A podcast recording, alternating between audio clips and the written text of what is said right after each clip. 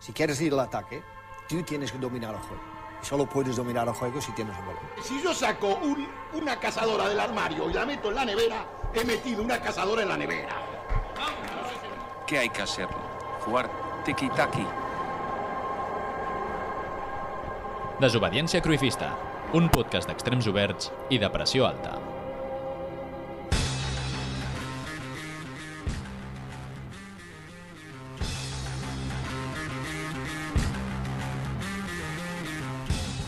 Bona tarda, bon vespre o directament bona nit. I dic això perquè estic fart que els dies siguin tan curts. M'és absolutament igual llevar-me amb llup, passo fred quan vaig cap a la feina amb moto i quan cau el dia em fot molt, molt pal sortir de casa. Però avui, amics, avui, per fi, això és una excepció. Avui comencem un projecte, poseu-hi totes les cometes que vulgueu, a partir d'un grup de WhatsApp creat per xerrar sobre el fantasy. El comunió de turno, però fet per una altra casa. Si encara no m'heu entès. Un joc on els usuaris poden recrear les lligues domèstiques, aquí nosaltres tenim la Lliga Espanyola, però qualsevol guiri ho pot fer amb la seva lliga, puntuant en funció del rendiment que vagin els jugadors d'aquella mateixa competició. La cosa va desembocar en un podcast, però ja entrarem en això més endavant. I el, el que continuàvem dient, un podcast? Oh, vaja, que innovador, quina sorpresa, no s'ha fet mai. Doncs aparcant sarcasmes i ironies, que sabem que perfectament que el format no té dos dies i que hi ha més podcasts que gent contagiada per Covid propera a nosaltres, perquè no sé vosaltres, però almenys ara mateix això és, fots una pata i et surten quatre. Però voleu dir que això no es fa ja? No creu que tractar la mateixa temàtica que els programes més coneguts i seguits de la ràdio i televisió catalana és molt repetitiu? Exacte, si no ho heu endivinat, parlarem de futbol. De debò, penseu que dins un nínxol tan gran arribareu a algú? Doncs mireu, el primer, el primer error és pensar que ho fem per algú. Si ho fem, ho fem sobretot per nosaltres, per donar forma a una cosa que fem cada dia. I quan dic cada dia, no exagero. Aquí no ens lliurem ni de vacances. I parlo del simple fet de parlar de futbol. Combinant aquest factor tan inusual en la ciutat catalana, espanyola i europea, m'atreviria a dir, hem arribat aquí. I ara tenim la pilota. I si tens la pilota, tens el control independentment de la categoria en juguis, i probablement la nostra ni existeixi de dolenta que és.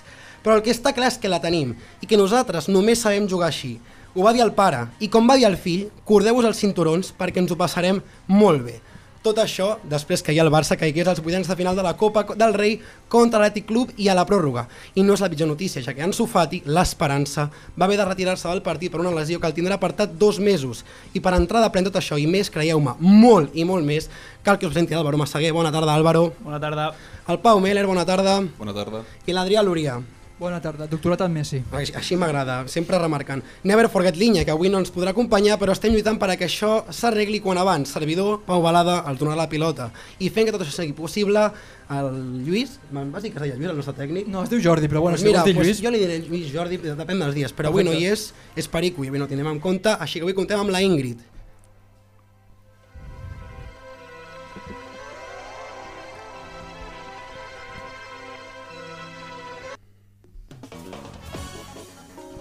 Doncs bé, presentacions fetes, ja estem una mica en salsa, toca parlar de tot el que ha rodejat aquesta setmana i jo crec, i que, que coincideixo amb tots vosaltres, que el més destacat d'aquesta setmana és el colabrot d'Embo. I si em permeteu explico una mica els fets. Dimecres d'aquesta mateixa setmana, segons la majoria de mitjans deportius catalans, Dembélé ha reiterat, sí, sí, van tenir els sants collons de dir reiterar, com si el xaval es pogués passar amb el tema, que vol renovar després que dies abans demanés ell i el seu representant de la maneta 200 quilos més comissió, que segons els entesos és una quantitat que cap club al món anava a pagar. Cap, directament.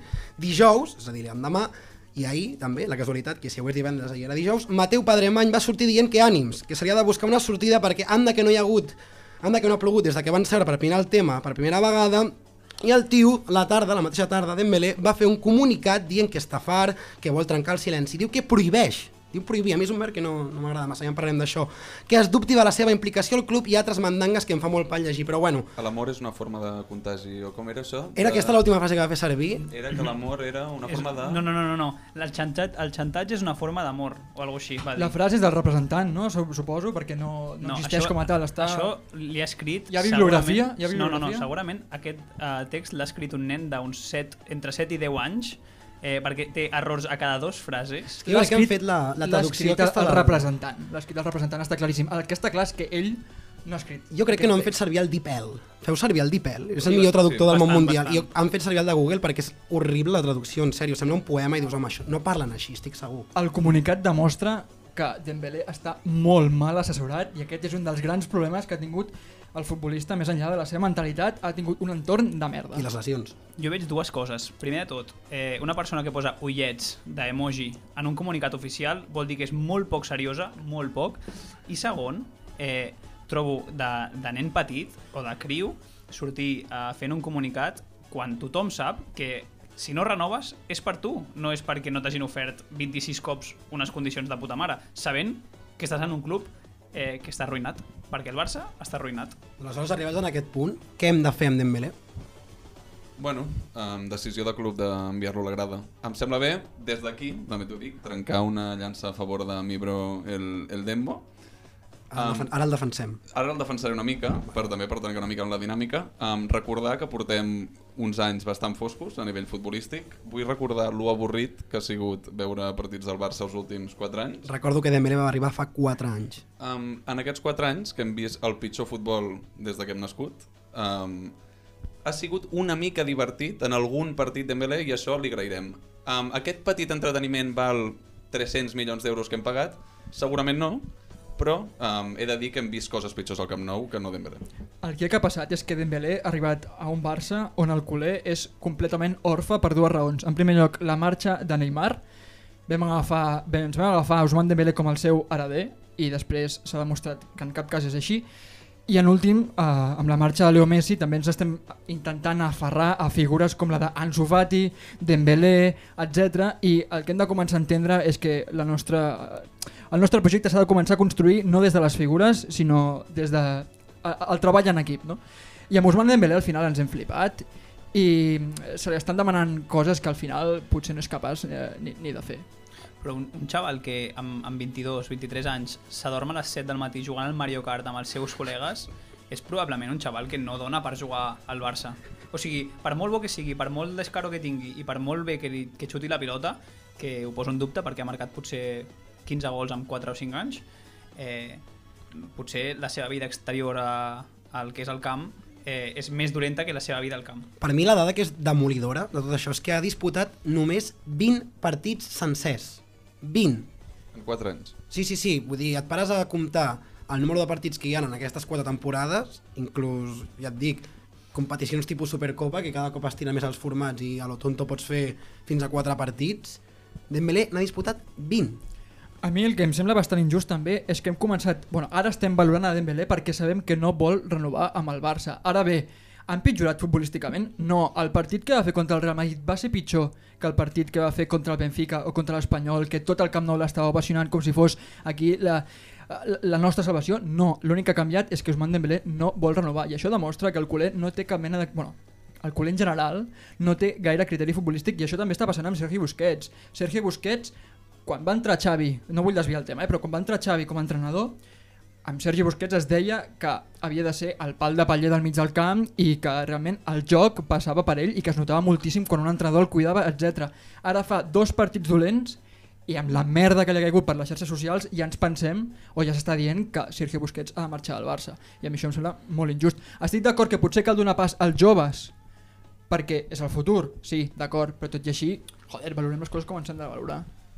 Per tant, Estic tu, o sigui, est- m'esteu dient, ho dic perquè això és un tema que volia tocar, però ja que el traieu, mm, entrem-hi de ple i després recuperem els altres temes. Busquets, titular, sí o no? A bote pronto, ràpid. Sí. Mm, no. No. És a dir, després de dir que era el pal de paller i que mereixia patapim, patapam, els joves i la mandanga aquesta, no. M'explico, què ens estem jugant ara? Classificar-nos per la Champions, no? Sí, Si no ens podem classificar per la Champions sense, sense Sergio Busquets, apaga i vámonos. Al final, el Barça s'ha de construir sense Sergio Busquets i sense Jordi Alba, segurament. I Piqué, jo ara el mantinc perquè no hi és eh, Eric Garcia. Però al moment en què torni Eric Garcia, potser si Araujo s'entona i tal, també hem de començar a pensar que eh, Gerard Piqué, malgrat sigui el millor central del Barça, que hi ha ara mateix, potser hem de, hem de prescindir d'ell. Mm, tornant al tema mig del camp, veig molt optimista, o sigui, molt, molt optimisme en pensar que el Barça pot jugar, i pot jugar bé, amb Nico, Gavi i Pedri. Són boníssims, tenen un potencial enorme, veig molt complicat que un equip es fonamenti amb jugadors tan tan joves i amb tan poca experiència. Crec que figures com Piqué i Busquets han de tenir un paper en el desenvolupament d'aquests jugadors joves i crec que poden ajudar encara molt a l'equip. Si han de ser titulars, no ho sé. Si poden entrar i col·laborar, segur que poden fer-ho. Veig molt complicat imaginar-se un Barça amb una mitjana d'edat de 20, 20 anys, 19... Però al final eh, Sergio Busquets ho ha jugat tot. No estem donant pas a que ni, a, ni Nico ni De Jong potser creixi en el lloc on està jugant Busquets. Alguna cosa passa si Busquets està jugant tots els minuts. El que està clar és que d'aquí 4 o 5 anys no el tindrem a ell, tindrem o Nico o Gavi o espero que no tinguem a De Jong, la veritat. Estic totalment en desacord amb no tenir De Jong, perquè crec que serà el, el, millor, el millor migcampista de- de- d'Europa s- segur, però... Eh, Després de Pjanic o, o abans? una mica com bueno, ja, ja entrarem sí, en el tema de context, Pjanic. context, aquí necessitem una mica de context. Per què ha sortit Pjanic, sisplau? Bueno, jo Pjanic le- el vaig defensar molt quan va, quan va fitxar pel Barça. Quina va ser la moltíssim. frase? Quina va ser la frase? deixa el titular. Perquè... No, no, no vaig dir cap mentida, vaig dir que Pjanic havia estat un dels millors migcampistes d'Europa i del món dels últims 10 anys. El millor, no un dels, No, el no, no, millor. no, no, no, no, en cap moment vaig dir el millor, vaig dir un Passarem dels captures per Instagram i que, que el públic valori. Bueno, que va ser, si no el millor, un dels millors, està clar. Quan jugava de mig centre defensiu amb la Juventus era espectacular. I això, vull dir... Eh, Potser és el relleu que necessita Busquets, Pjanic, no? Perquè és el, el mateix lloc. no, no. Però està, est, Un parlant moment. de que vaig tenir una equivocació enorme amb Un Pjanic, moment, diries que Pjanic és tu padre, una mica? ho era. Des decepció. Ho era perquè, exacte, me la, me la, vaig, me la, vaig, me la va fotre eh, doblegada. Ja que seguim parlant de decepcions i recuperant el tema Dembélé, de- d'aquests jugadors que us proposo a continuació, quin ha sigut el que més us ha decepcionat? Un Titi, Dembélé o Coutinho? Leo Messi. Perdona? O sigui, aviam una cosa. A santo de què? Um, O sigui, no hem començat a treure Sí. ni el nom perquè no volem treure'l, perquè no cal. En petit comentari, que Coutinho, que Dembélé, que Griezmann són jugadors que es mouen per diners, que vam fitxar Dembélé, va fer el que va fer per marxar del Borussia, que és un jugador que el que pagui més anirà allà i és igual, ho sabem tots. Que Messi... Um, Però què has de dir de Messi? Un moment, cal, has de dir de cal Messi? posar potser en context a l'oient que desobediència cruifista, malgrat dir-se, o sigui, formar part una mica del cruifisme, defensar aquesta idea, etc. al darrere hi ha un 80% d'antimessis, o sigui, és així. He sigut l'únic defensor de Messi, aquí a la meva esquerra, el Balada, també de nhi m'ha recolzat bastant en aquesta causa, i el Mauri Sánchez també, que el tio està bastant boyer pel grup de WhatsApp i no participa gaire, però després em recolza. En el moment per WhatsApp no, no entra al debat. Però, hòstia, eh, Leo Messi l'he l'he criticat molt i ja entrem en debat quan toqui. No és el moment. Messi va marxar al PSG, oh, informació no opinió, ho deixem aquí i seguim perdona amb el debat. Eh? Seguim amb Coutinho i companyies. A part, eh, vull recalcar una cosa per les 4 o 5 persones que ens escoltareu.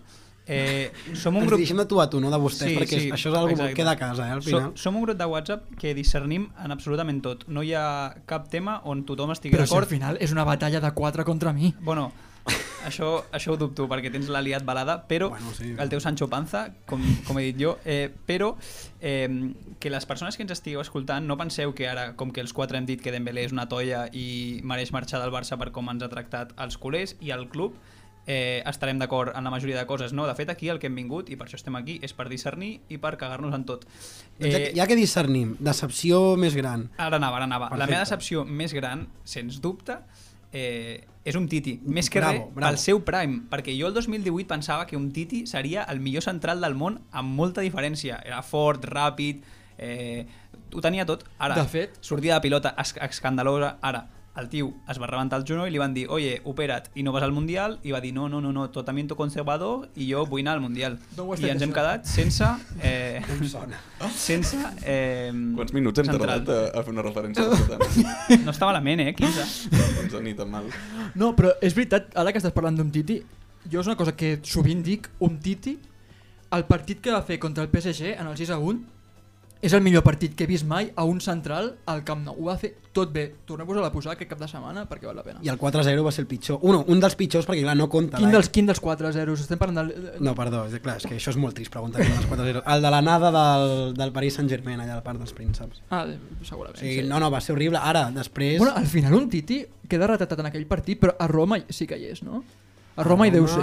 Bueno, si no que ens ho I digui. I tant, que hi és a Roma. A Roma surt a la foto. Vale, I, vale. és, I surt a la foto del primer gol. Jo, comentari ràpid, tinc la samarreta d'un Titi, me la poso per jugar a pàdel, està bé. Tens la samarreta també de Neymar. Sí, um, he deixat de comprar samarretes de Per, jugadors. per agafar-ho. O... Primer perquè els estic agafant i cada cop que em compro la samarreta d'algú la carrera se li va la merda. Vaig no voler comprar la de De Jong, no ha servit per salvar-la. Pues has de fer-ho ara, jo crec. I també... Et vas comprar la de Messi l'any que en La teoria Messi, marxava i no i va marxar, i no va i va marxar. el següent. I Ets un gafe. També vaig decidir deixar de comprar samarretes perquè tinc 24 anys, quasi 25, i comença a fer una mica de pena. Ho diu quan la setmana passada vam fer un pedido i s'ha comprat una de la NBA, una, una retro de la NBA dels Memphis Grizzlies. Ah, o sigui- Moran, Jay, Jay, eh, Jay Moran. Sí, bueno, ella es mira al mirall cada dia i quan obre la llum veu que és negra, no et fot, però, tu, Sí, o sigui, però- de debò tens els 24 anys i és una de la NBA, és oversized. Tenir la gran i te la poses i dius, uau, vaya, tremendo flow. Sí, però, Balada, un moment. Um, tenir 25 anys i portar la samarreta de Gavi, que en té 17, Què passa, això ho dius per mi? Ja No, no, Morant, no, no, no l'he per tu, no parlo per eh? tu. Te Està- l'has comprat? No encara, però quan Perdona. li donin dorsal al primer equip jo me la compro. Ja Morant és dos anys més petit que tu, eh? També. A la puta cara. Porto malament lo d'idealitzar persones més joves que jo, però bueno, suposo que és l'edat i que ja, ja ho Sí, anirem no, superant però a poc a un segon, és que potser jo no crec que ningú, ningú no el conegui, el dels que ens escolti ara mateix, però el Meller només es dedica a escoltar eh, música americana de gent de, nascuda entre el 2001 i el 2003. En Tots alguns els casos nois, mor. En la- la majoria, per, per desgràcia. Um, tots els nens eh, que canten coses tristes, eh, l'XXX Tentación, Lil Tecca i tots aquests, nascuts 2001, 2003, 2002. Correcte. Per tant, eh, que digui el que vulgui, que ell el que li encanta és idealitzar gent més jove que ell. Bueno, eh, anava eh, en la línia aquesta de que ens preguntaves qui ens havia decebut més. Jo podré dir, potser, qui m'ha decebut menys i segurament sigui Coutinho. Però què dius? Perquè ha sigut el més professional de tots. Estic d'acord. És Va el marxar en fitxatge el més ball- car de la història del Barça. Ara estic d'acord, però ha sigut primera mitja l'únic temporada és molt l'únic bona, que eh? no s'ha apalancat en el club. Ha sigut l'únic que en el seu moment va fer un pas al costat per anar al Bayern de Múnich i de fet ens va fotre dos gols en el famós 2 a 8 i va fer molt de mal. No. I després, ara, és que ha fet un pas al costat també per anar a l'Aston Villa. Segurament, eh, un titi això, ja ho va dir, ho va dir Piqué en un programa, no sé quin programa ho dir això, Sí, no va dir sé que com si es diu, no, faria el mateix. va dir que no, que no faria el mateix. Va dir que si fos un titi, eh, ell faria el mateix. No sé, no, no, no recordo on. Bueno, parlant de decepcions, anem a la més recent, i és que ahir va jugar el Barça, sí, va jugar els vuitens de final de la Copa del Rei contra l'Atlètic Club de Bilbao, i sí, amics, després d'una pròrroga èpica i forçada al minut 93, a pocs segons de que l'àrbitre xiulés al final del partit, Pedri va aprofitar una centrada de xilena de Dani Alves, que el tio volia xutar 200%, però se la No troba allà... no estic d'acord. Per fer el centre no pot xutar mai de la vida aquella alçada. pues, no la pilota li ve Pues és ortopèdica. Ara li surt bé i Pedri fot el peu i per fi marca un gol important Una- i força una pròrroga que una cosa, Pedri perdó, pròrrogues ja en Dani- parlarem també del tema. Dani, Dani, Alves, Dani Alves sempre vol fer l'inrevés del que hauria de fer. El, el No 80% estic de cop... Si alguna cosa és, és intel·ligent, però si ara No, no, mateix no, no. físicament no s'aguanta per enlloc. Dic- De tant en tant fa algun pas intel·ligent, algun desplaçament en llarg que va fer ahir, però a nivell físic no, no s'aguanta per enlloc. Jo crec que el passe a Pedri a veure, la volia fotre allà perquè el potser és. Jo el que dic, jo el que dic és que Dani Alves és un tio que sempre que pot fer la cosa més espectacular, la fa, sempre, absolutament sempre, i això ha sigut així Per espectacular, la, la falta de Jordi Alba, ja en parlarem també, Bueno, eh? que va, no- va relliscar enmig de l'execució. O sigui, jo, clar, és que, hòstia puta, no, de veritat, venim de- d'un Barça, que tu veies a Leo Messi xutar Xutant aquella faltes, falta al minut sí, sí. 85 És que era un penalti. i estaven, estaven És que era un penalti. I veig a Jordi Alba i a Dani Alves i jo pensant, qui dels dos xutarà? Jo pensant, xutarà Dani Alves perquè amb el Barça el 2008 algunes les xutava ell, que fotia la majoria a, a tomar pel sac. A Pequín, sí. Però quan vaig veure que xutava Jordi Alba la falta va ser on vaig pensar, hòstia, realment cal aquí una transició perquè no pot ser que estiguem amb aquests galons. Jordi Alba per què ha de xutar una falta si no ha marcat un gol de, fora de l'àrea en la seva puta vida? Quin sentit té? És que és indignant. Va haver una època que hi havia Messi, Neymar i Suárez de vegades per xutar una falta els tres posats junts. Tenim a Dani Alves i Alba. I Matié va fotre una falta, em sona, no? A la Copa del Rei. I Rakitic. I Rakitic. Rakitic bones gambes, eh, quan volia. Veure, sí, sí. veure el Barça des de fa temps és un patiment. És un enterrament. És I quan, un- I quan Coutinho no va centrar un córner, és que només faltava el, el camp dels ocells, és horrorós. Doncs això, com comentàvem, una decepció rere l'altra, però entrant en profunditat en el que és el partit, res d'anar al passat i tot aquest rotllo, qui va ser per vosaltres el millor del partit? En general, aquí entreu a jutjar plantilla de l'Atlètic Club de Bilbao. Iker Muniain. Iker Muniain. Però si Muniain es va passejar al minut 118, Estava va- curt, es va sí. posar a jugar al FIFA Street. Escandalós. O sigui, que, que, eh, quina humiliació. Jo quan va començar a trepitjar la bola i tal, mira, diré una cosa, jo ahir no vaig celebrar el gol de Pedri, perquè quan el Barça juga malament jo em desmotivo. Però vaig té- celebrar el gol d'Araujo com un boig, Ah, pues, quan, home. en, en, el del Sevilla. Una cosa, Quan va marcar Ah, el vale, Sevilla vale, com vale. un boig, però ahir Que no vaig celebrar el gol de Pedri. Que algú perquè- m'expliqui què té a veure si el xaval aquest va celebrar el gol de, de Pedri amb, amb qui va ser el millor del partit. No, perquè ara us ho explicaré, us ho explicaré. Que algú m'ho expliqui, no, que sisplau. a- a- a- Perquè el millor del Barça va ser Pedri. Sí, el millor Barça va ser Pedri, però, Vale, en això coincidim. però bueno, no, no, no em referia a això, però és igual. En, en tot cas, que la segona part de la pròrroga ni la vaig veure, per tant, només vaig Vaya veure aquell, cul. aquell fragment de... Estava sopant, estava de peu i estava mirant de, de Raül. 12 No em vaig assabentar de que Ansu Fati estava lesionat, imagina't. Vaig veure que el Muniain ens, ba eh, ens ballava com volia i vaig passar del partit, va ser indignant. I, i, i, i es creu moralment superior a nivell barcelonista aquest noi, eh?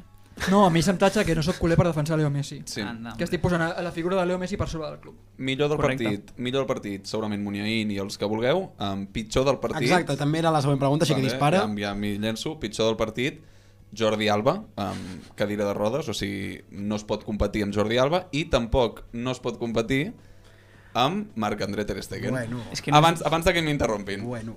Portaràs, en moments, fa, té aturades descomunals, el primer gol està extremadament mal col·locat, un cop més, una altra, una altra cagada aquesta temporada. Ho diu una persona que ha jugat 15 anys a bàsquet i no ha, no ha tocat una porteria de futbol 11 en la seva vida. La porteria és enorme, és enorme. Una persona que no ha jugat de porter. Mai a Però la és vida. no, si posem així, tio... No, no, no. No, no. no, però de debò us ho dic. Jo sóc molt dolent jugant a futbol. Eh, no vaig fer res més que jugar a, no sé si tercera, tercera o segona juvenil, la pitjor de totes, i és on jugava jo. I jo eh, no, no tocava el pal del, del travesser. Eh, els porters... per Això suposa que han de fer-ho. per molt bo que siguis, Si no per molt bo que siguis, si estàs una passa endavant, per, perquè des d'on estava Muniain tothom s'es- tothom s'esperava un centre, que és el que ha de fer el porter, estar una passa endavant, si te la colen per allà a sobre... A veure, els oients porters que donin el seu Ostres. feedback, perquè al final aquí ningú està exacte. opinant si, algun, si algun porter escoltant-nos pot trucar al 611 74 91 83. M'acabo d'inventar el número, però no ens sé. val porters de futbol 11, de futbol 7, porters No. de discoteca, una mica el, qualsevol Porters de la cross, que és aquell esport on vas amb una cistelleta passejant-te corrent i, i fots uns xepos espectaculars a una porteria que és com un triangle. Això ho vaig veure a Això American deu jugar Pie. al polo, al club de polo, lloc No, no, això és de US. És que vaig veure American Pie i vaig dir, hòstia, la cross, que fino. Després m'he donat compte que és un esport de merda. O sigui, és, no, és, un no té cap mena de esport, sentit. és un esport que no té eh, professionalitat. És a dir, que és a dir, no té porters, és que, que és veritat, no, no, té sí que porter. en té, sí que té, ah, que vale, ja. Però tu ets el millor de, del món i jugues a una universitat i a la que et gradues de la universitat s'acaben i no hi ha lligues A professionals. buscar feina. Sí, bueno, les lligues professionals són com aquí jugar pues, a la petanca, més o menys. Mo molt dolentes. Aviam, és als Estats Units i als Estats Units per tot es cobra moltíssim, però les lligues professionals són dolentíssimes. Qui sí que està a quarts de final, i després de patir cosa fina, és el Madrid, que ahir també va forçar la pròrroga contra l'Elx, no, de fet, van anar 0-0 i van anar a la pròrroga, es va avançar l'Elx i després el Madrid va empatar i finalment eh, Hazard, es va- el renacido Hazard, va marcar el segon gol del conjunt blanc en un error del porter, per mi tremendo, però bé, el Madrid és a quarts, li ha tocat l'Atlètic Club precisament i a Sant Mamés, molt d'ojo aquí, eliminatòria que jugarà o l'1, 2 o 3 de febrer, i el Madrid ha demanat que s'aplaci el partit, ja que en teoria hi ha paró de seleccions, i jugadors brasilers tant com Vinícius, eh, Militao, em penso, i Casemiro, en teoria estan fora. Doncs la federació els ha dit que s'espavilin. D'entrada els ha dit que s'espavilin. Jo abans d'entrar en debat vull saludar aquí a Aleix Pariser que va dir que estava quedant una Copa del Rei molt maca, això ho devia dir cap a dos quarts de deu de la nit, eh, justament quan el Real Madrid anava per sota el marcador a la, a la segona part de la pròrroga, estava dient que el, pel Barça era una gran oportunitat aquesta Copa del Rei perquè no hi havia ni l'Atlético de Madrid ni el Real Madrid. Des d'aquí saludar-lo. L'escolto cada nit. Jo vull saludar Dani Sanabra, que em té bloquejat de Twitter. Un dia, un dia llegiré el tuit que li vaig posar, va ser una mica ofensiu, però des d'aquí enviar-li una forta abraçada, segur que ens escolta. Jo això de la Copa del Rei del Madrid, de que estigui a quarts, per mi, bueno, crec que algú més també ho pensarà, és novetat, perquè normalment tira la Copa per fer la mítica de que sembla que estan tocats i després és quan guanyen la decimoquarta. Aquesta és l'altra, sí, sí, sí. Us preocupa que vagin a per la Copa? O sigui, no sé si m'explico amb la A pregunta. mi el que em preocupa és una altra vegada els culers no construïm bé el discurs de les coses. Els culers som els que més copes del rei hem guanyat en la història i no som capaços de donar-li valor a aquesta competició. El Real Madrid, per què no li dona valor a la Copa del Rei? Pues perquè no la guanya mai. Al final, per què té tant de mèrit la Lliga i tan poc mèrit la Copa del Rei? Hòstia, si la Champions té tant de mèrit perquè el duel és en el tu a tu i és una competició del KO i t'enfrontes contra els millors d'Europa, a la, en la Copa del Rei t'enfrontes contra els millors de la Lliga en una competició del KO, també li haurien de donar molt de valor. No se li dona perquè no la guanyen. T'he de dir, de dir que d'aquí crec que dos de quatre tu ets un d'ells, eh, Lúria, eh, i tu ets l'altre, Meller, eh, heu criticat la Copa. Jo No, estic... jo- jo segur que 90 no, jo tu segur que no. no. No t'he nombrat, eh, però estic 99% segur que tant eh, Meller com Lúria han criticat obertament la Copa en el nostre estimat grup de WhatsApp dient eh, que és una competició de merda, que és una competició secundària i que no val per res guanyar-la. Cosa amb la que jo he estat sempre en desacord. Més ara, més ara, en moments ara, com el d'ara, on, on eh, si guanyem el Real Santander, eh, el Racing Santander B eh, hem guanyat un bon partit, eh, guanyar una Copa del Rei és algo al que li hauríem de donar molt més mèrit del que li donem.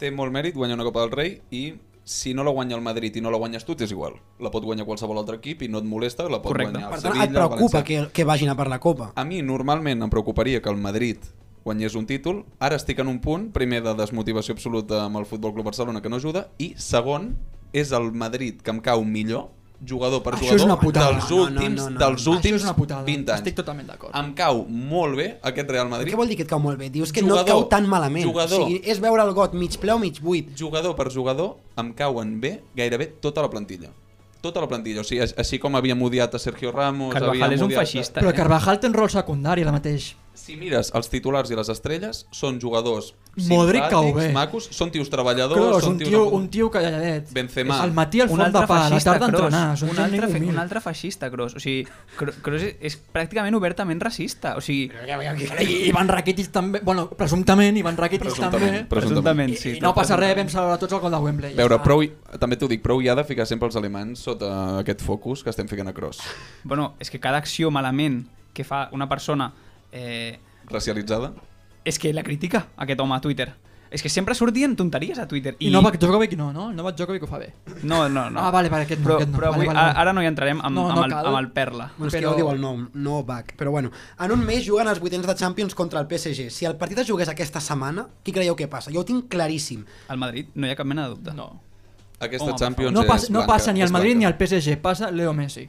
Vale, però això d'aquí un mes. O sigui, si el partit es juga demà, amb el Madrid, que acaba que acaba de classificar-se de la Copa, que ve de guanyar la Supercopa d'Espanya, jo, sincerament, veig el Madrid plantat a quarts fàcil.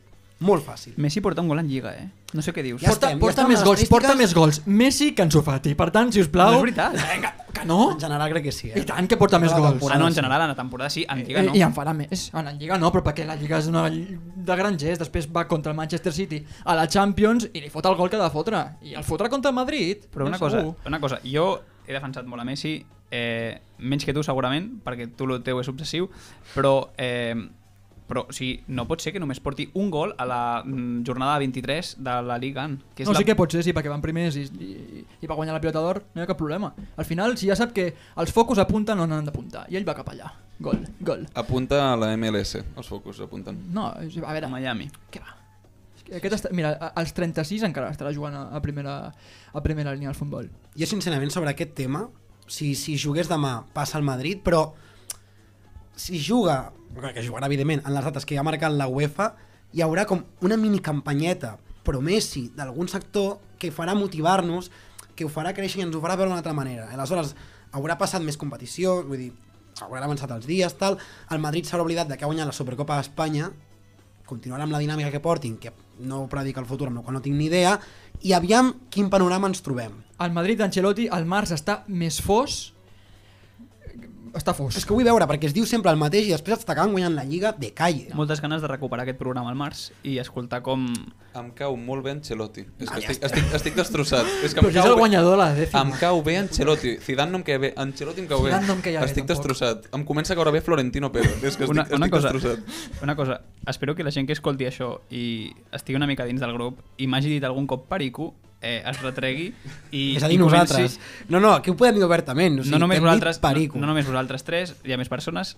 Eh, espero que a partir d'ara se'ls conegui a Lúria i a Meller com els madridistes del grup, perquè és una vergonya, és veritat. és una vergonya. Jo estic dient que és un equip que acabarà fos. Si em cauen, és que de fet, si em cauen bé, si no els hi tinc especialment odi, és perquè no els veig un perill. Però si tu dius que Vinícius és millor que Ansu Fati, És que Vinícius és millor que Ansu Fati. Això- Això, ho, vaig ho- dir en el seu, ho vaig dir en el seu moment. Tens tota la raó. És una puta estrella. Us reieu de mi perquè no definia. Dic, el dia que vingui de gust marcar gols tindrem a un dels millors jugadors del món i es diu Vinícius. Que, hòstia, que es presta el meme. Sí, estic completament d'acord, però és un tio que ja ens agradaria tenir-lo. Ansu Fati té àngel amb el gol, però a nivell de, de continuïtat amb les jugades, de veure mm, conduir la pilota, regat, tal, té una, una cosa justeta. Jo he vist a Martial jugar millor que Ansu Fati a la seva edat. Ja està, jo dic. ala, ala, Martial, ala. Qui? Martial, Martial que està retirat amb 25 anys. Eh, Martial, per cert, crec que té la vostra edat. És del 97, si no m'equivoco. I ha jugat millor que Ansu Fati. No és veritat. Doncs des d'aquí espero que a la Cele lo va a la catàfora li Una- bé, una abraçada. Va ser una cabronada, allò a la catàfora. Jo ho vaig fer bé. Jo ho vaig fer bé. Jo vaig fer bé, Núria Pino, una Me lo- abraçada. me lo paró el taxi. castellà que va dir estudieu-vos-ho i pam. Jo em vaig riure de vosaltres, perquè era un any més petit. Bàsicament, i nosaltres Eh, de tu l'any següent. Bé, doncs parlant de Vinícius, Estrelles i tot el rotllo, jo crec que hem de fer una mica de metaprograma. Desobediència cruifista. I d'on ve tot això? Com dèiem, és un grup de WhatsApp que naixia pel Fantasy, el Comunió de Turno, que es va transformar en un debat futbolístic constant. Futbolístic poso aquí una mica d'asterisc, vol dir parlar del que ens dongui la gana en tot allò que gira al voltant del món futbolístic, és a dir, eh, tal jugador penja eh, una recepta de cuina que fa, nosaltres opinem de lo que cuinem, de lo malament, de lo que m'agrada, de lo que no m'agrada, de que era l'arbre vegetarià però després es mor de ganes de fotre's un bocata de fuet, etc, etc, etc. Partint d'aquest punt, anem a la nomenclatura. Desobediència. Recordeu la primera vegada que vosaltres veu desobeir? Jo no, no he desobeït mai a la vida, sóc un noi molt, molt obedient. Això els collons. Jo ara mateix no hi, no, no hi caic, però si em dones un temps de cocció t'ho dic. El que Jo- et faltava és el temps de cocció. No. Potser aquí vas desobeir per primer cop. No, no vull sortir, no vull sortir, toma. Jo sóc una persona molt obedient, he fet sempre el que toca i he vist cremar containers, però ho he vist des d'una mica la certa distància. Un bon debat. Ho he animat, ho he, o sigui, en algun moment ho he animat, A, però fa, a favor, em no passa una mica això. no m'he embrutat les mans. M'hauria agradat embrutar-me més les mans? Segurament sí, però no ho he fet. Ets una mica com qui va als toros, eh, es posa just darrere de la barrera i aplaudeix al torero com mata el toro? Amb aquest... Amb Jo, és que a toros no, no, no toco aquest terreny, ja. Sí, sí, no? No t'agraden? Però sí que és veritat que jo em sento identificat amb tu amb la batalla d'Urquinaona. Sí, jo, jo hi que la era. millor batalla contemporània de, Catalu de la història Vam de guanyar, Catalunya. vam guanyar Urquinaona, Adrià. La vam guanyar. Moralment, sí. Al final és com, és com la Supercopa de- Sí. d'Espanya amb el Madrid, va ser una victòria moral. Correcte. Bueno, i també en parlarem d'aquesta victòria moral un dia, perquè jo tinc moltes coses a dir, però avui no ens ocupa. I anem a l'altra banda de la nomenclatura. Cruyff, Cruyffistes. Quan va arribar Cruyff a la vostra vida? És a dir, quan veu sentir a parlar de Cruyff per primera vegada? Cruyff és una mica la meva figura paterna de referència, m'atreveixo a dir. Què estàs dient? Si no... Guardiola seria una mica el meu pastor que m'ha portat a Cruyff, no? Bàsicament, um, vaig néixer amb Guardiola, vaig néixer, vaig néixer futbolísticament amb Rijkaard i Guardiola i doncs tots els camins porten, porten a Roma, no? Et faré una pregunta. En quin altre equip espanyol ha jugat eh, Cruyff, que no sigui el Barça? Um, el Panathinaikos. Correcte. El Levante, per si no sabia. Um, jo vaig començar a seguir a Cruyff, segurament em vaig començar a enganxar amb Thierry Henry i us preguntareu per què. Per què? Doncs perquè, Per què? portava, perquè portava el... Vols dir per què, tu també? No, no em cal, gràcies. Doncs perquè portava el 14. Portava el 14 i a partir d'aquí el 14 porta a Johan Cruyff. Tots els camins porten a Johan. Sí, sí, a mi m'ha passat el mateix però amb Mascherano i és una mica complicat comparar Johan Cruyff amb Mascherano, però en el meu cas va venir de, de tema històric, o sigui, a la, fami a la meva família Exacte. super, super, super Mon culer, pare sé era si- molt fan de Johan Sí, Cruyff. molt fan i a mi m'han donat la tabarra any rere any de que recorden que el Barça feia pena. És més, que estava proper al descens i va arribar el Johan jugador i van acabar guanyant la Lliga però meneo rere meneo rere meneo. Pot ser que els teus pares tinguin millor record de Johan Cruyff com a jugador gairebé que com a entrenador? Per què? Perquè eren molt més orfes quan era jugador que no pas que quan era entrenador. Això, es pot, això pot ser, però alhora assumeixen, i pues, si no ja els hi preguntaré avui quan arribi a casa, que la figura de Johan entrenador ha sigut més transcendent per lo que és l'equip i la història del club. Un, una cosa, eh, Johan, jugador, eh, jugà al 72, 73, 74, crec, o 73, 76 al Barça, que no crec que cap pare d'aquí tingui més de 5 anys. O sigui, buscat, eh? si ho recorda, si ho recorda algun pare d'aquí... Si recorden el fet de, Eh. de que allò era impactant tenint amb 10 anys. Bueno, jo el que dic, jo el que dic és que, que crec eh, que la, el Cruyff més influent eh, és el, el Cruyff entrenador, sens dubte. Mira el Guardiola, eh, és 100% eh, herència del Cruyff eh, entrenador i el, jo el recordo perquè vaig anar quan era petit, mm, potser 12 o 13 anys, a un campus de futbol eh, jo jugava molt malament, ja he dit abans eh, i jugava de jugador. I un any, un estiu em va donar per, per jugar de porter i vaig anar a fer un campus de jugador, o sigui, de, de, de, de, de futbol on vaig ser porter tota la setmana i era el Muntanyà i va venir, va venir. Va venir el Johan. Sí, sí, sí, va venir. Uh, va venir això de, perdó, és, és, és d'allà, bueno, tenia una casa allà, era d'allà. Va jugar a golf allà, al golf muntanyà Sí. i tot el rotllo. I, Bueno, anava, perdó, perdó, va, perdó, anava. Va venir, va venir. És, és quan jo no era, no era... Bueno, és que a casa meva tothom és molt de l'espanyol, llavors, clar, a mi no m'expliquen figures... Un dia ens explicaràs per què vas decidir ser al Barça. Bueno, sí, un, un altre dia, és Però avui- avui no, no, és divertida. Aleshores, vosaltres us considereu cruifistes? 100%. Però um, cruifista no per defensa de les idees de Cruyff, que també, sinó sobretot per al conflicte, per el conflicte contra nunyisme més pur i contra la mentalitat culer i catalana més mediocre, que és el que hem vist amb Núñez en el seu moment, amb Bartomeu, amb Rossell, amb el grup Godó, amb tota aquesta màfia. O sigui que sóc cruifista més per conflicte i pel que representa la lluita que hem tingut aquests últims anys contra nunyisme que no per les idees que també. Soc cruifista, penso que Cruyff té un rol transcendental en la història del club I de Catalunya? i de Catalunya, però Leo Messi, sense dir ni una paraula en català, ha tingut més transcendència que Johan Cruyff pel nostre país i pel nostre club. Ho tinc claríssim. Jo, jo sí, sí que em considero grefista, però em passa com amb el Barça, sóc més eh, antimadridista que del Barça actualment i sóc Jo ho era més abans. antinunyista que cruifista. Eh, la idea del joc de posició, la idea de jugar a futbol maco i tal, m'agrada molt, però ara mateix m'agrada molt més criticar a la gent eh, com tu, eh, Lúria, que, bueno, que això, que, que esteu en contra de la porta, que esteu Un en moment, contra diré, de... puc, dir, em puc defensar perquè m'ha interpel·lat directament. Fes-ho, fes. Aquí jo crec que vaig ser l'únic que contra, en el Barça-Benfica, quan va venir Xavi com a entrenador i va debutar a la Champions, em vaig fotre en plena... O sigui, al mig del camp, mullant-me com un desgraciat. No, no, jo hi era, eh? Jo hi era Sí, però i... aixoplugadet. Els collons. Jo Jo, estic a que- gol a una graderia mullant-me com un campió i sota cap concepte que- vaig considerar fotre'm en un porxo. Que jo tinc uns problemes. Quan amics meus em conviden a aniversaris i merdes i juga al Barça, jo sóc el típic que es fot amb el mòbil a mirar el partit. Jo és que els hi dic, no hi vaig he quedat... O sigui, No, a mi m'enganyen i em diuen que sí que el mirarem i no l'acabem mirant mai. Jo estic en una època on m'agrada més jugar un partit de pàdel que veure un partit del Barça. Doncs Així el que proper dia vindrà l'any en comptes que tu. em sembla, em sembla bé. Doncs deixant aquestes èpoques del pàdel, jo crec que és bon moment perquè parlem del que ens portis avui.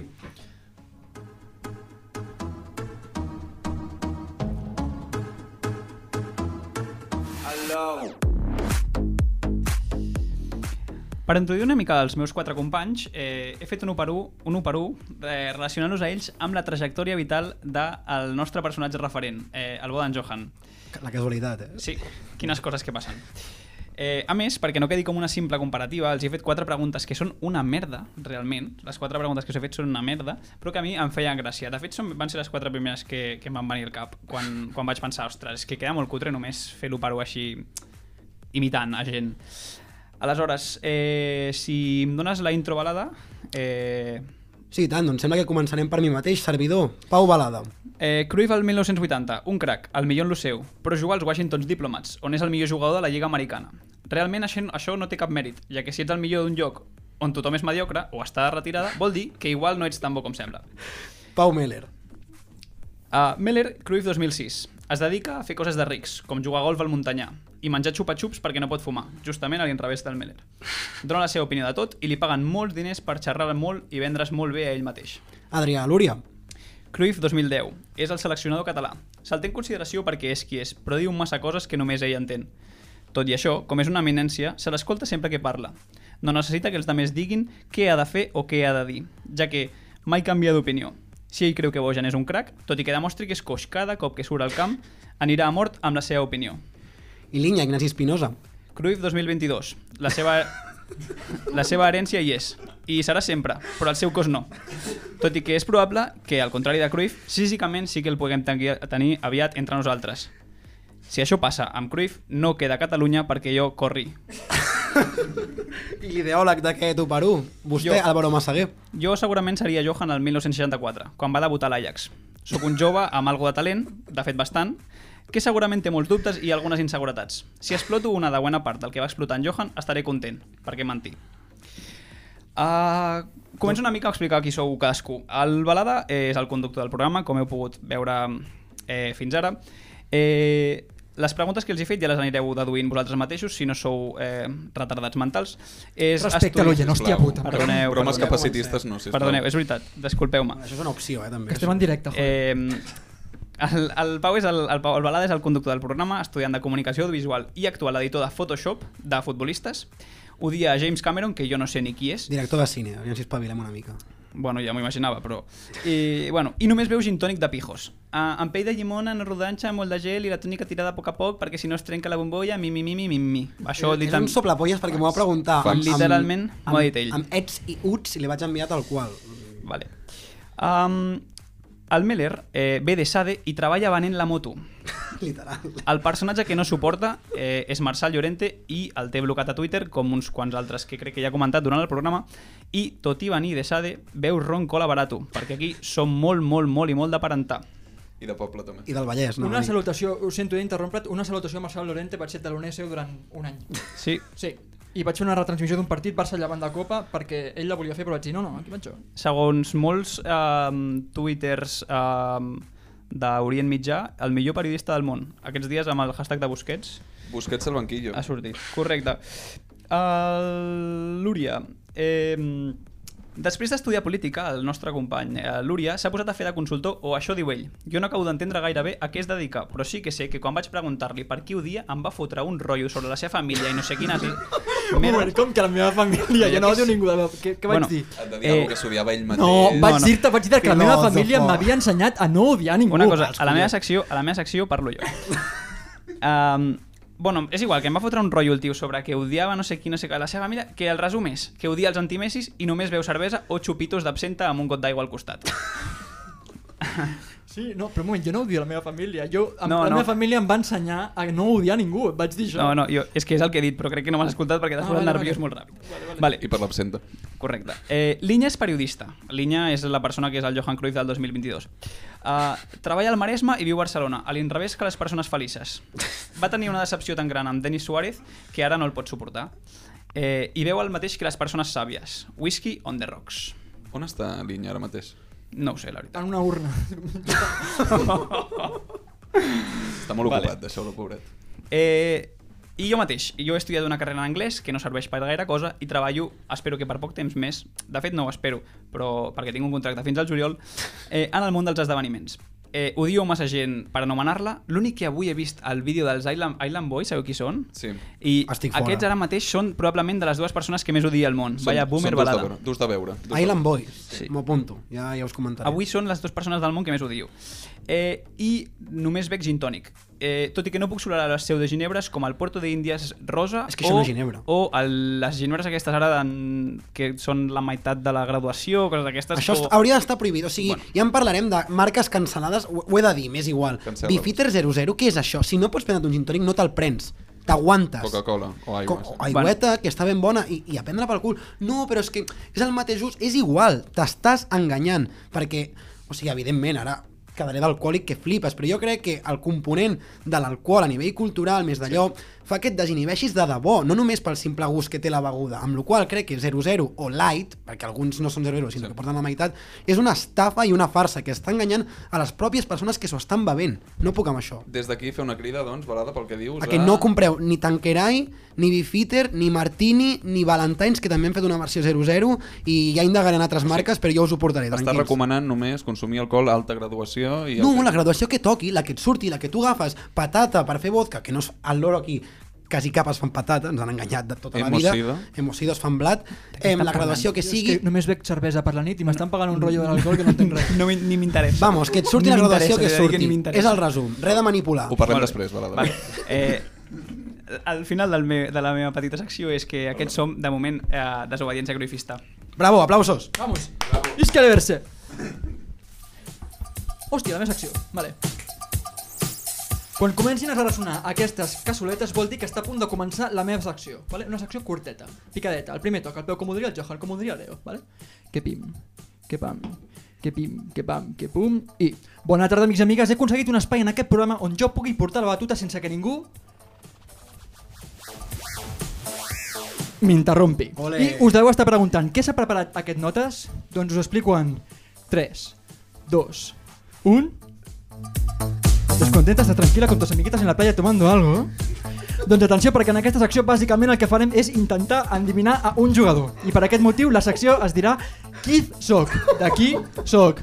Qui soc? Qui soy? Vale? Quiz, vol dir. En vale? aquest programa us donaré tres pistes, que a més de ser dites en aquest espai, les escriurem a Instagram, vale? Per exemple, he jugat amb Iker Casillas, Rooney, Berratti, Giggs, Thiago Silva i Ramos. Aquesta seria la pista número 1. Pista número 2. M'ha Carlo Ancelotti, vale? Pista número 3. Tinc una Champions i una Liga Espanyola. Ahora estás en el coche, el semáforo está en rojo, estás pensativa. Estás pensando en una respuesta. Doncs atenció perquè jo us pregunto, Keith soc? Soc Di Maria? I don't know what I've been told. Music make you lose control. Soc Saràbia? Doncs bé, totes les respostes que tinguem a Instagram en farem una classificació i a final de temporada convidarem el guanyador en qüestió al nostre programa on farem una gala per entregar-li un premi. Anem a la resposta de l'endivinall anterior. Pugem una miqueta la música abans. Esperem el moment i arribarà. Ara us dono la resposta. L'espero. 3, 2, 1... Soc David Beckham, el de les faltes, el galàctico, el cuti falso, l'home amb més savoir-faire del continent. ¿Vale? Queda entès? Perfecte. ¿Qué pasa? ¿El vídeo no estás en Tinder, nena? ¿Quieres un poco de distracción? ¿Quieres jugar al Keith Sock? ¿Estás en la toalleta tomando el sol escuchando la radio? Keith Sock. ¿Soc Coutinho? No ho sé. ¿Soc Usman? No ho sé. Keith Sock? No ho sé. ¿Soc Antoine Griezmann? No ho sé. Gaudiu la música. Posa una miqueta. Súbelo! És la secció de les seccions. Arribat a les vostres cases, un Keith. Keith Sock. Show, fresh, el primer toc, com voldria el Johan, com voldria el Leo. La secció que farà oblidar a Ansu Fati. La secció que farà oblidar que Pedri s'ha tornat a lesionar. Vale? La secció que farà oblidar que el Barça juga amb la mateixa defensa que el 2013 canviant a Mascherano per Ronald Araujo.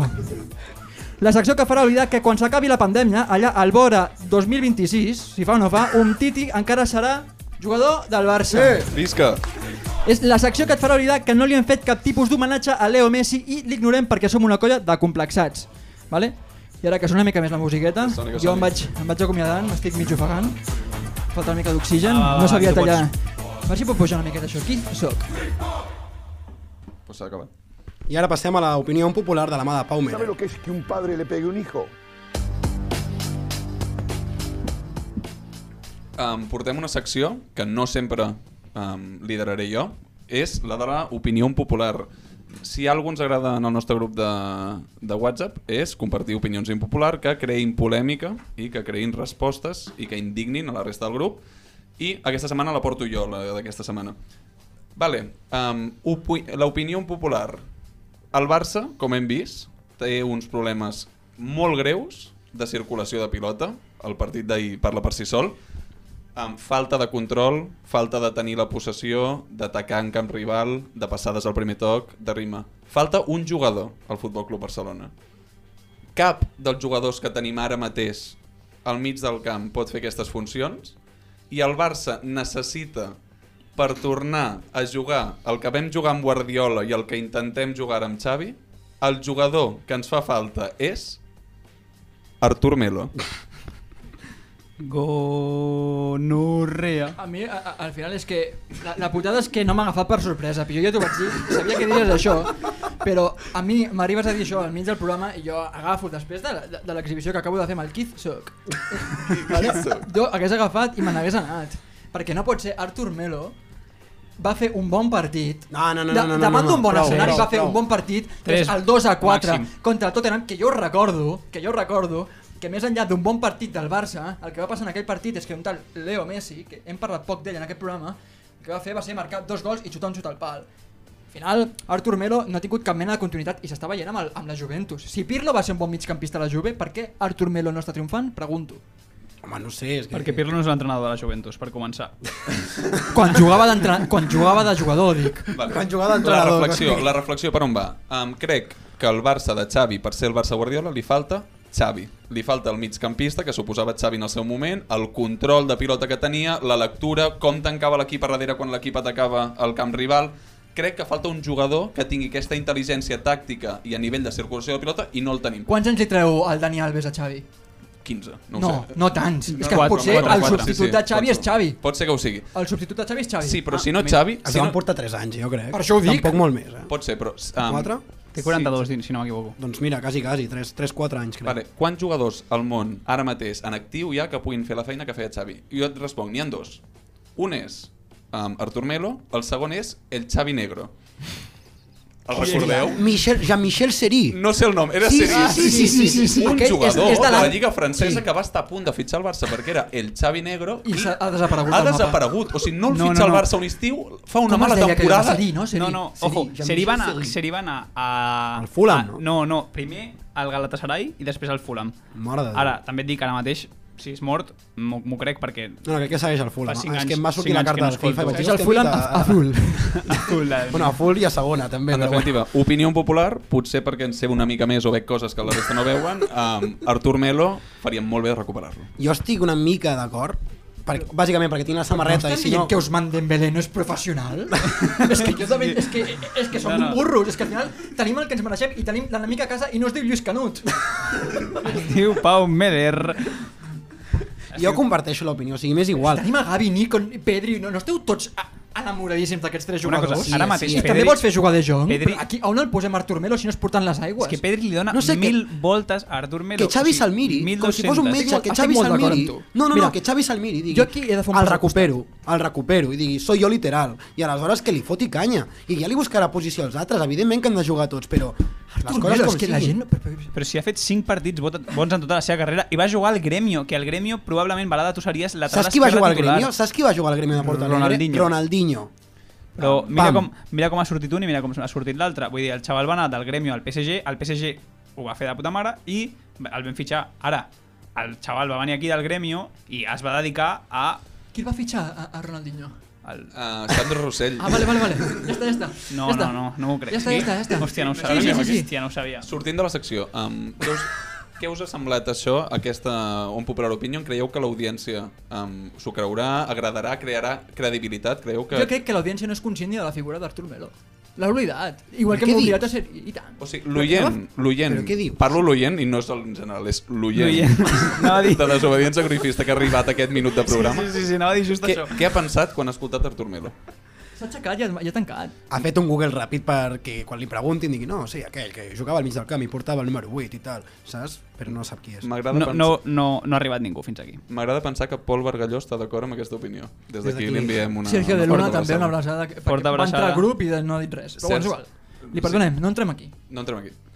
A exposada l'opinió impopular, toca abandonar una mica el futbol per entrar en el debat no futbolístic. Està retirant el Seat Màlaga, l'embús està dissolent, el tràfic torna a ser fluid.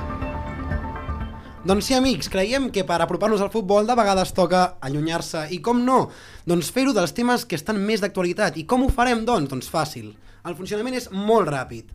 Jo agafaré el meu telèfon mòbil o l'ordinador, depèn de com em vingui el dia, i entraré al compte de Twitter de 324, arroba 324cat, tot seguit, no hi ha punt ni res, però el nom d'usuari sí que va en punt. No l'existencialista, eh? No, no, no, exacte, el, el real, el real. Compte molt divertit, per I cert. aleshores, amb els 3, 4 o 5 tuits últims que hi hagi d'aquest compte, necessito que el vostre esperit crític i de saber opinar de tot sense saber de res, traieu alguna cosa sucosa. Jo busco la confrontació i si no, ja us la portaré cap a vosaltres. Comencem! Segons Educació i Salut, el divendres ha començat amb 122.552 alumnes confinats, un 8,51% del total, a l'espera dels positius que es registren avui mateix. Dona una ullada al mapa interactiu d'incidència de la pandèmia d'escoles i instituts, i el mapa t'ensenya que, bàsicament, Barcelona, voltants, eh, Lleida i Girona pues, està més fotut que el que vindria a ser els Pirineus perquè no hi ha edificis. Uh, no era que els nens eren transmissors?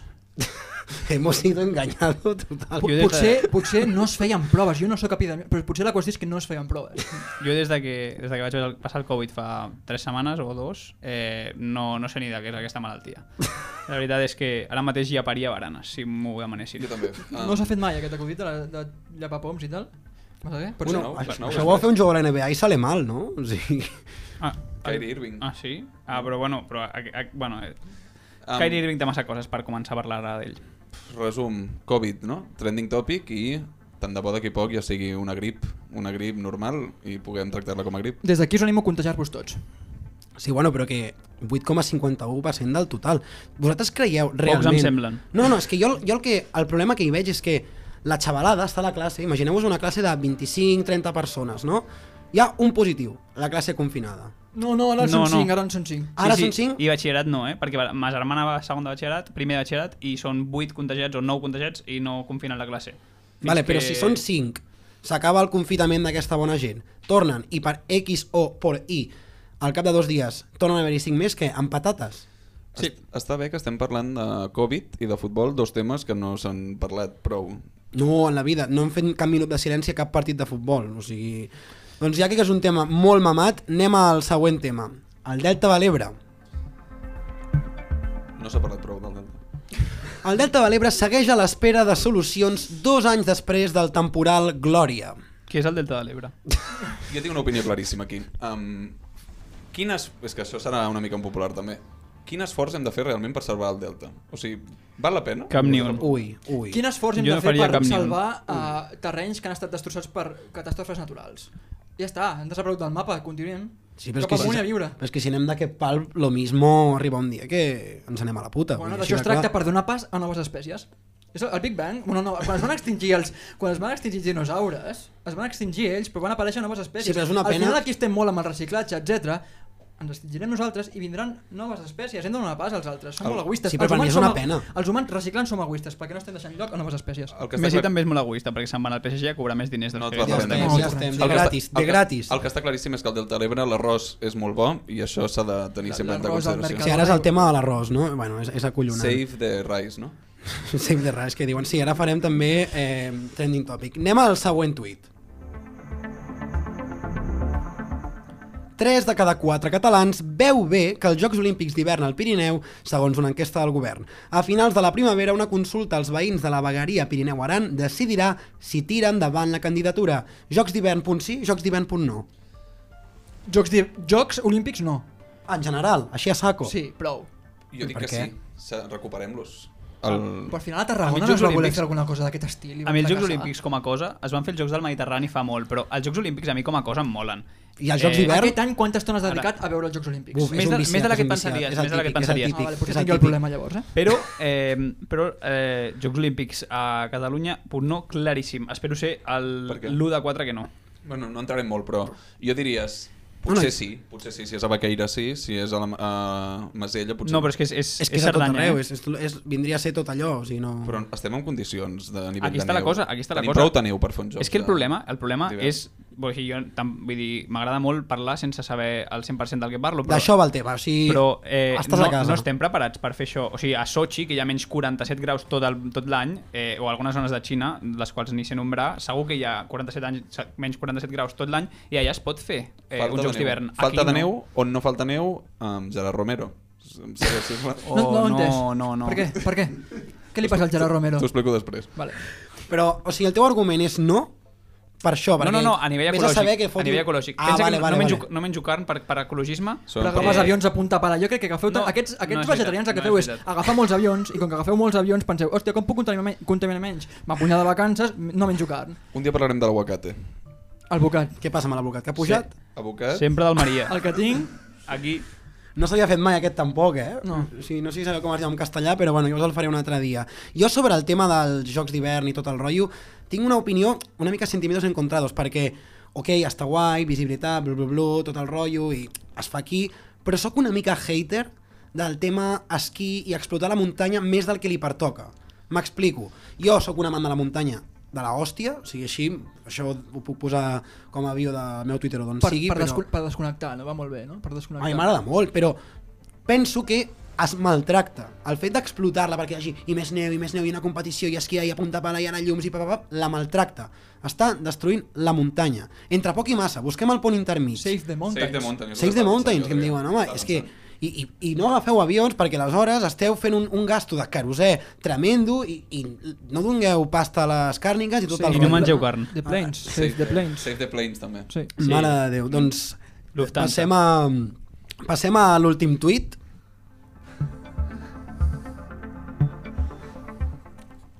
Aquest serà polèmic, eh? Nou pas de la justícia perquè el 25% de les classes es facin en castellà a tots els centres educatius de Catalunya.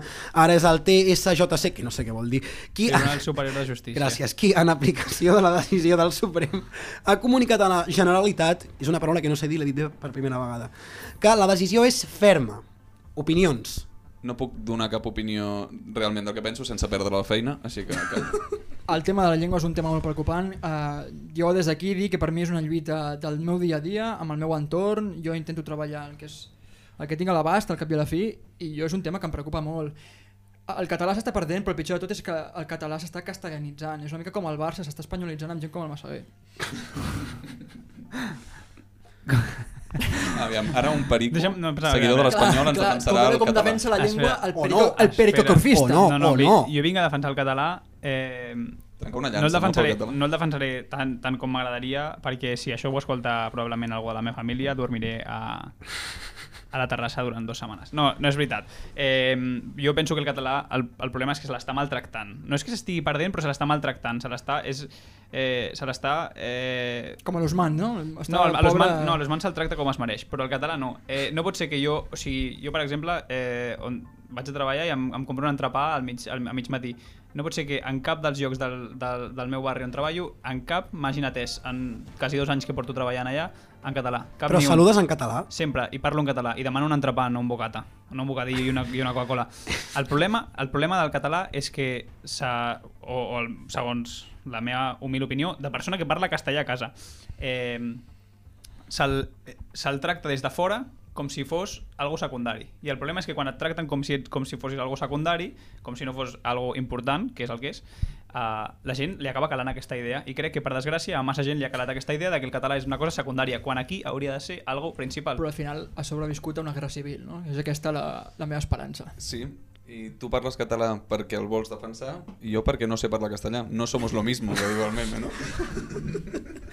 Bueno, jo he après a parlar en castellà, bueno, és igual, això ningú Això és un altre tema. Sí.